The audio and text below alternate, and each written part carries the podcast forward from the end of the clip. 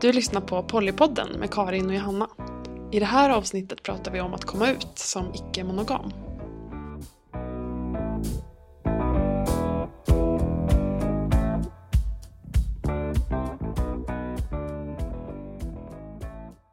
Jag känner mig alltid som att jag så börjar kritisera alla begrepp som vi tar upp. Mm. Och komma ut begreppet. Man förutsätts vara monogam Mm. om man inte säger någonting annat. Så därför måste man komma ut. Mm. Man måste visa att man inte är mono. Ja, precis. Det finns en norm och man kommer ut med att man avviker ifrån normen. Det är nästan lite, ja, det är nästan lite synonymt med att, att så här, erkänna att man inte tillhör normen. Jag tänker att monopersoner kommer ut lite så hela tiden i förbifarten. Mm. Alltså jag och min man eller jag och min familj gjorde det här. Mm. Medan man som polyperson eller icke-monogam att det är väldigt svårt att komma ut i förbifarten. För att det väcker så mycket frågor. Man vet inte vad det innebär. Nej. Så om man bara kommer ut i för, förbifarten, jag och mina partners, då får man jättelånga blickar efter sig som inte förstår någonting Ja. av det man har sagt. Och jag tycker att det är lite skillnad mot att komma ut som icke-hetero. Alltså man kan säga jag och min flickvän i förbifarten. Mm. Och folk kanske får lite så här, jaha, tänker det liksom. Mm. Men eh, de har i alla fall vett att inte oftast Mm. ställa massa konstiga frågor. Ja, jo, men där finns det ju en, nu ändå en bild skulle jag vilja säga. Alltså oftast så är ju folk lika normativa. Förutsätter att man har en partner av motsatt kön så. Mm. Men det känns som att man har lärt sig att man inte ska säga dumma saker. I alla fall. Mm. Jag är lite på tvären med att säga så här. Jag måste berätta en sak. Jag Mm. är polyamorös. Mm. Det är så här. Det vill jag inte göra. Mm. Jag vill komma ut i förbifarten som alla mono heteropersoner gör. Men det är så svårt. Ja, just för att man, man måste förklara. Ja, och får en massa bilder på sig som man kanske inte hade tänkt sig. När man har kommit ut så brukar jag känna ett väldigt stort ansvar att förklara att liksom att de inte ska tro att jag är känslomässigt störd. Att jag är, eh, Otrogen. har en dålig relation. Ja, Och sen så finns det en bild av att man kommer ut och sen är man ute.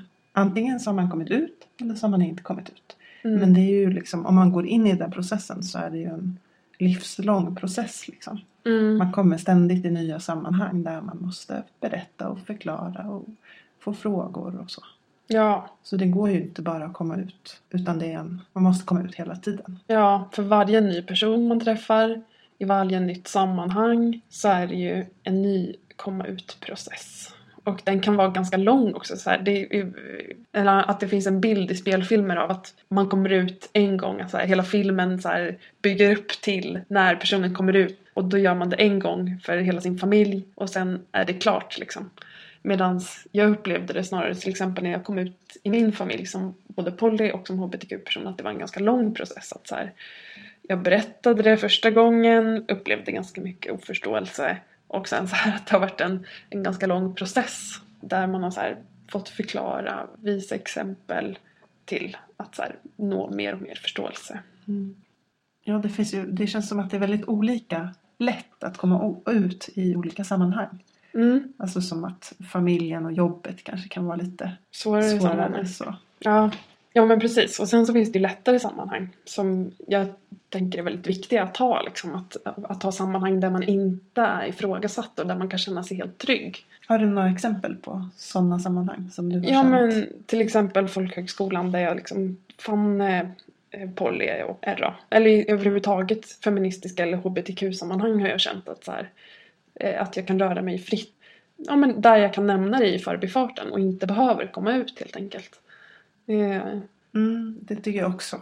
I RFSL-sammanhang, ett precis. hbtq-sammanhang, så är det väldigt lätt att komma ut. Där kan det ha varit personer som har varit mono, Ja. men det har ändå varit lättare för att man har en förståelse för normavvikande på ett helt annat sätt. Och det, det känns väldigt skönt och viktigt så här att man någonstans någon gång får känna sig trygg och inte behöver förklara. Vara det här levande informationsbladet som hela tiden behöver bedriva en politisk kamp med bara sin existens liksom utan att man bara kan få vara liksom. Ett annat typ av sammanhang är ju när man träffar folk som man är intresserad av. Mm. Där det, där det blir viktigt om man är mono eller poly. Ja. Ska, vet jag inte hur jag ska uttrycka mig vilka typer av personer för att inte bli normativ. Ja, precis. Men när, när en relation börjar så här likna en parrelation och man inte riktigt vet om eh, personen är RA och poly till exempel. I ett sånt sammanhang så, kan, så blir det ju aktuellt att så här, ja, men, komma ut och berätta att du, jag dejtar fler än dig kanske. Eller jag har nära relationer som uppfyller parnormen med andra. Och det är jättesvårt tycker jag. Med den här tajmingen. Antingen så blir det så här för tidigt. Då får man reaktionen bara, men vad trodde du? ja. Eller så blir det för sent. Och så kan man möta lite så här ilska istället. Att man har lurat dem typ.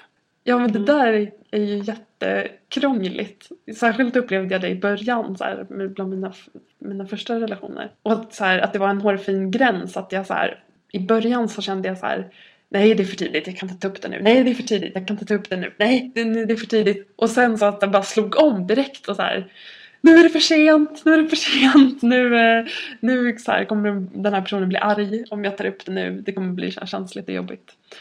Och det är väl sånt där man får pröva sig fram lite. Ja, jag brukar nog försöka prata om det på ett mer abstrakt plan långt innan man... Alltså om Ja. jag märker att jag är intresserad av någon så brukar jag försöka styra in samtalet på teoretiskt... lite teoretiskt kring kärleksrelationer. Det lättaste är ju om man hittar någon som, som har varit inne på tankarna innan. Det känns som ett väldigt stort arbete om man träffar någon monoperson. Ja, precis. Det är upplagt för hjärtesorg.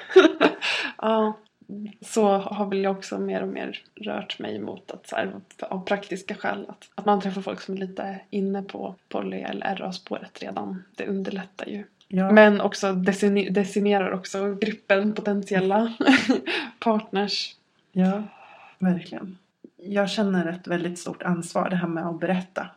Att Mm. göra det. Men som jag har sagt förut så tycker jag att man borde ha lika stort ansvar att uttala att man är mono som att man är poly. Ja men precis. Varför, varför är det så egentligen att man alltid måste berätta att jag vill ha flera eh, relationer eller jag har flera relationer som skulle kunna kategoriseras som parrelationer utifrån normen. Eh, och aldrig monopersonen som behöver berätta att du, jag vill vara exklusiv och att du inte har känslor för någon annan. Jag vill att du bara ska ha, att du bara ska vara sexuellt attraherad av mig och eh, ja, Ja, så då vet vi hur man gör när man kommer ut i parrelationer. Eller i, klappat och klart. Yes. Några andra sammanhang? Arbetsplatsen kanske? Mm. Har du några tankar kring det? Ja, den är lite mer komplicerad då, då skulle jag. Eller det är en av de svåra, svåraste sammanhangen att komma ut på, tycker jag. Det beror ju säkert på vart man jobbar och sådär. Men eh, det, det är ju ett sammanhang där man inte har valt de som man eh, jobbar med. Så mm, det är ett sådant sammanhang som kan vara lite mer komplicerat. Ja, men jag fick hem en, en yrkestidning där de tipsade om att man skulle vänta lite med att berätta om sitt normavvikande beteende. Alltså de, då tipsade de då till hbtq-personer om eh, att man skulle vänta lite och låta folk eh, på arbetsplatsen lära känna en innan man kom ut. Eller vad ska jag säga. För att eh, annars skulle man då riskera att kanske bli, alltså det var folk som hade haft den erfarenheten av att de hade blivit liksom bögen, att de hade blivit flatan. Att man hade fått en stämpel liksom helt enkelt. Men jag, då ställde jag mig lite kritisk till liksom det. För att jag kände att vadå lära känna mig innan? Alltså så här, ska jag dölja en väldigt stor del av vem jag är? Speciellt eftersom heteropersoner eller monopersoner Ja. kommer ut hela tiden i Mm. förbifarten. Ja, Så måste man ju hindra sig själv från att göra det ja, precis. Och det har jag i alla fall fått uppfattningen av från många i min, mitt, min omgivning. Att man helt enkelt undviker att så här, att man döljer en väldigt stor del av vem man är. Att man väljer att inte prata om sina relationer överhuvudtaget. Att man sätter inte upp några bilder på arbetsplatsen eller så här, minimerar riskerna där man skulle behöva förklara sig.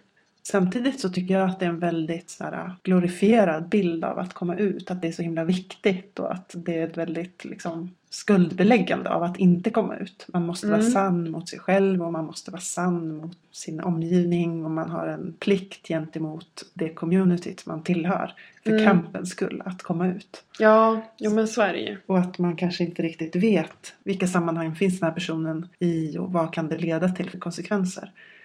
Jag tycker i alla fall att det har funnits en, ett stort skuldbeläggande i, i Mm. att inte komma ut. Ja, absolut. Det är helt sant. Det finns en förväntan, det upplever jag också. Att eh, man ska inte gå runt och dölja liksom, vem man är, man ska inte gå runt och skämmas. Det är inget du behöver liksom, skämmas för. Eller så här, alltså, man, att det är den attityden man, man möts av lite så här. Och kanske inte bara att man inte ska skämmas utan man har en plikt Mm. att göra det. Och att det är ändå någonting som är väldigt personligt. Ens kärleksliv liksom. Ja, Men samtidigt en del av en som är en stor del av, av vem man är. Ens relationer. mm. ja men Mm. verkligen. Men det, jag tänker att det måste vara upp till varje person att avgöra utifrån vad det kan ge den personen för konsekvenser. Mm. Jo, Nu är jag på tvären igen. Men jag, jag, tycker att det är, alltså jag tycker att det är för stort skuldbeläggande av personer som inte vill komma ut. ja. Jo men det kan jag hålla med om, absolut. Det, det tycker jag absolut att det måste ju alltid vara upp till individen att man kan lita på att det är den som har bäst insikt i vad det kommer... För det, det kan ju ge allvarliga konsekvenser både eh, familjemässigt och eh, alltså yrkesmässigt. Att komma ut som normavvikande, så är det ju tyvärr. Ja, har vi några roliga komma ut historier?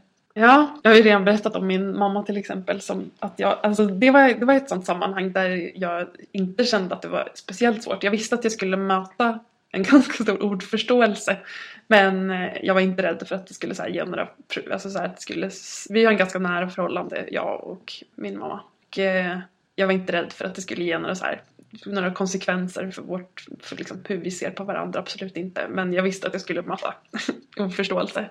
Och eh, ja, hon, det har jag berättat i tidigare program att hon relaterar till den där kvinnan är tillsammans som så här, ja, raggar på barn och eh, som är, har, och har så här, fruktansvärt polyförhållande som inte alls är liksom, genompratat.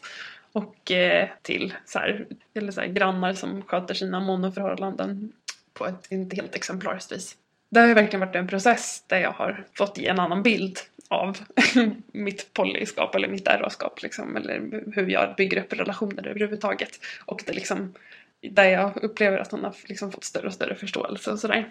Ja, och sen så eh, till exempel i ett annat sammanhang så kom en vän till mig ut nu som poly-RA för sina föräldrar och då så sa min mamma att eh, ja, och hennes föräldrar förstår inte alls. Mm.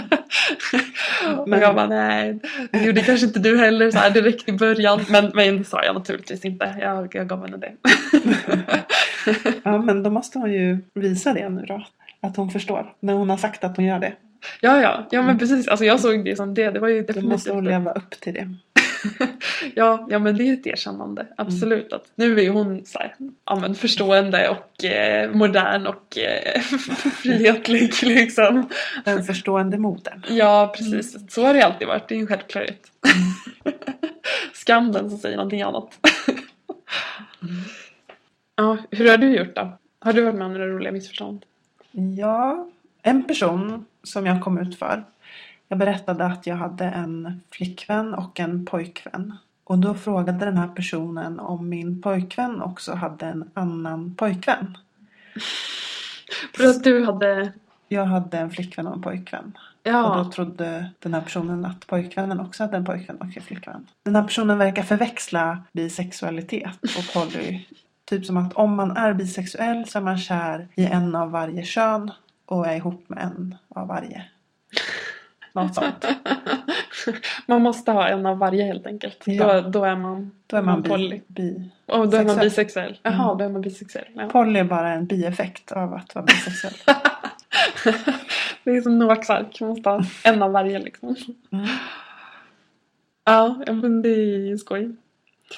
I början när jag började leva som poly så kände jag ett väldigt stort ansvar.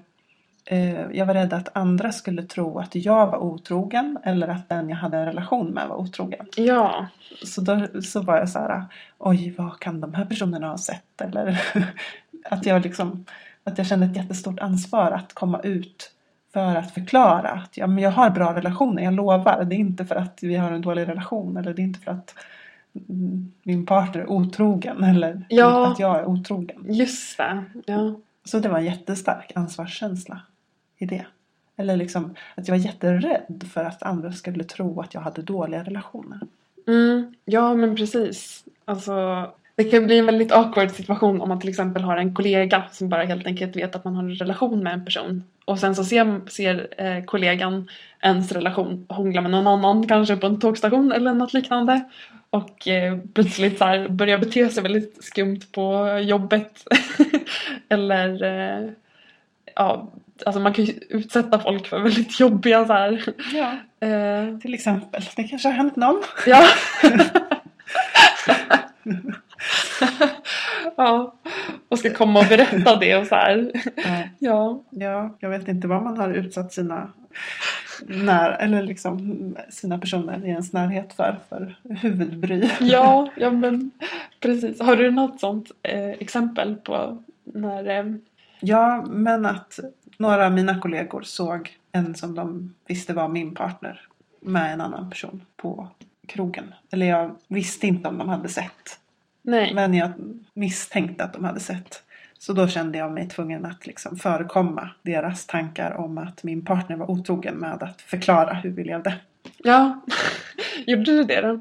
Ja, Du, det gjorde jag. Du pratade med dem? Jag pratade eller? med dem Mm. som jag trodde hade sett men de hade inte sett någonting. Nej, okej. Ja. Men ändå. Du var förebyggande bra. Hur gick det då? Jo men det gick bra. Mm. Lite frågor som det brukar vara men, men inte liksom på ett elakt sätt. Så. Nej. Ja men eh, jag tänker att eh, utopin är ju att man ska kunna vara öppen. Att man ska slippa följdfrågor. Och inte behöva vara ett politiskt statement varje gång man bara ska berätta att man har varit på semester med sin flickvän och eh, råkar bo med sin pojkvän eller något liknande.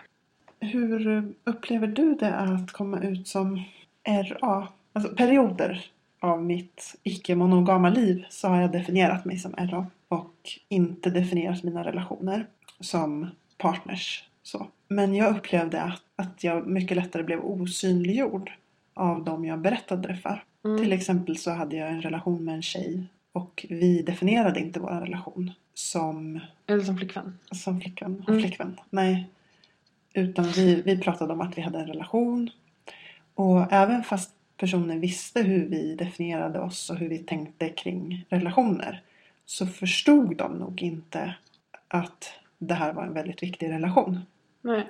Men sen några år senare så vi pratade om det här och vi bestämde oss för att ändå kalla varandra för flickvän. Mm. Och då helt plötsligt samma personer som inte hade fattat innan var såhär Jaha, han skaffat flickvän. Typ. Ja. Så relationen hade liksom inte ändrats egentligen utan ni hade bara bytt liksom namn på den. Precis, vi hade samma innehåll. Mm. Så, så att vi bytte namn på den var ju inte för, för våran sk- skull liksom. För vi visste vad vi hade och vad vi kände och vad vi ville och så. Mm. Och det ändrades inte. Det handlade om vad vi satte för etikett på relationen. Ja. Så, så jag har känt mig, alltså att det är mycket svårare för folk att förstå relationsanarkism. Att det, att det låter så här flummigt. Jaha, de har många relationer. Ja, ja. Ja, Ja. Men eh, de blir nog också kära någon gång. Typ. Ja, jo men precis. Eh, risken är ju att relation bara blir vän i, i traditionell mening. Eller så här att vad heter det, enligt normbilden så har man en pr- primärpartner eller en partner liksom som är ens livskamrat och som man delar väldigt mycket med. Och sen så har man ett antal vänner som inte är lika så här, säkra kort eller vad man ska säga. Det blir säkert också speciellt när, när det är två tjejer som har en relation. Mm, Då betyder det inte så mycket. Men om det är en tjej och en kille som har en relation. ja, Då kanske man inte automatiskt ser det som en vänskapsrelation utan då ser man det automatiskt som en kärleksrelation istället. Ja, Så det var nog kombinationen med att vi inte definierade vår relation som flickvänrelation och att vi var tjejer Men- som gav det här osynliggörandet. absolut. För det har jag upplevt också. Andra normer spelar ju också in. Till exempel så har jag haft väldigt nära relationer med kvinnor som har varit väldigt långvariga relationer.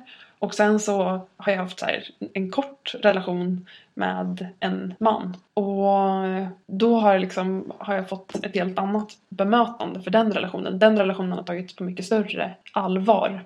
Så här, ja men ska du inte ta med den där personen till släktmiddagen eller till sommarstugan? Som jag kanske inte hade fått fast jag hade haft en relation som skulle kunna definieras som betydligt närmare med en kvinna liksom. Som inte tagits på samma allvar av till exempel släkt och familj och sådär. Så andra normer spelar ju också in. En del av komma ut-grejen tänker jag är att man vill synliggöra normen och visa att man lever på ett annat sätt för att förändra normen. Mm.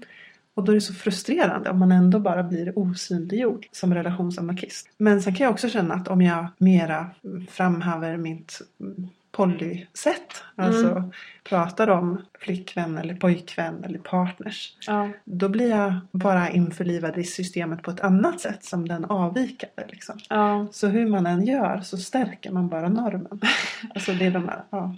precis. Det är ju svårt. Det är ingen lätt uppgift om man ska försöka ändra normen. Nej, verkligen inte. Alltså det viktigaste är att den personen som jag har en relation med vet att vi vet vad vi har för relation och vad, vilket allvar vi tar den relationen på. Och sen så är det inte jätteviktigt att eh, folk i min omgivning eh, vet. Även om, om, om så här, jag blir lite provocerad av till exempel när mina föräldrar tar, om jag nu skulle ha relationer med män, nu har jag inte jag det längre, men ifall så här, om jag skulle ha relationer med män, att det är så här, är irriterande, provocerande att de blir eh, viktigare än kvinnliga relationer eller vänskapsrelationer eller så här, alltså, nu pratar jag utifrån normen men ja, att, så här, eh, att de blir tagna på större allvar. Det är ju liksom irriterande men jag har kallat det, alla mina relationer för relationer helt enkelt. Och alltså där, jag har en relation med Freja, eller min relation Freja sa att, eller så här, det låter lite skumt men det är så jag har hanterat det, det är det bästa sättet hittills. Men jag tänker den här aspekten av att skapa någon förändring på Mm. sikt. Mm. Att där spelar det ju stor roll hur man blir hur man införlivas i systemet eller osynliggörs. Ja, Jag tänker att det handlar om en väldigt lång process där man liksom får, så som med din mamma, mm. förklara och förklara och förklara. Ja, Mm. precis. Alltså det är lite irriterande att man ska behöva vara ett, alltså så att, att den kampen ska behöva drivas av, eh, av utövarna. Jag menar det här vi pratade om lite tidigare, att man ska vara ett gående informationsblad och ett gående politiskt statement. Jag tycker att det är bra att det är utövarna som driver kampen. Ja, det är sant. Man känner till kampen. Ja, Men naturligtvis. Problemet är väl att, att det är ens manifestering av ens eget privatliv som blir kampen. Ja, Att kampen borde föras på andra arenor. sätt. Liksom. Ja, ja, men jag menar det. Alltså så att, att om, om, det, om det fick mer utrymme i kanske media eller hbtq-sammanhang eller eh, i så här skönlitteratur och film och musik och jag vet inte. Så Man här. kan göra poddar och Bra idé att inte komma på det. Så slipper de personerna som eh, bara försöker leva och existera bedriva en politisk kamp mm. och komma ut. Ja, målet är ju att man inte ska behöva komma ut. Precis. Har vi Mm. några tips? Om man nu ändå ska komma ut. Ja, ja men eh, det har vi ju. En viktig sak som jag kände när jag kom ut var att eh, jag kunde ha ett tryggt sammanhang. Och det blev ju den här folkhögskolekursen för mig till exempel. Att så här, det var ett sammanhang där jag kunde känna mig helt trygg, oifrågasatt och ja, men att min existens inte behövde bli en politiskt statement på något sätt. Så att berätta för folk man har förtroende för och hitta ett community eller hitta ett sammanhang tror jag är en bra, bra början. Jag tänker också att om man nu ska komma ut i ett sammanhang där man, där man misstänker att man kanske inte kommer få full förståelse. Mm. Så är det bra att vara lite förberedd på frågor som kan komma. Precis. Tänka igenom det lite innan. Och också tänka igenom hur öppen vill jag vara? Eh, så att man inte behöver tänka på det i stunden liksom, Nej, när man får frågan. Nej, för då, då brukar jag bli rätt blank i huvudet. Ja, Så var förberedd på närgångna frågor och komma på sätt hur man kan besvara dem, avvisa frågorna. Och i och med det också fundera på, är det här ett sammanhang som jag vill vara öppen i? Är det här ett sammanhang som jag inte vill vara öppen i? Mm. Eh, Precis. Känn ingen skuld om du inte vill vara öppen. Du har lyssnat på Pollypodden och i det här avsnittet så har vi pratat om att komma ut. Lyssna på oss nästa gång. Då kommer vi prata om ifall poly är en feministisk strategi eller ett uttryck för patriarkatet.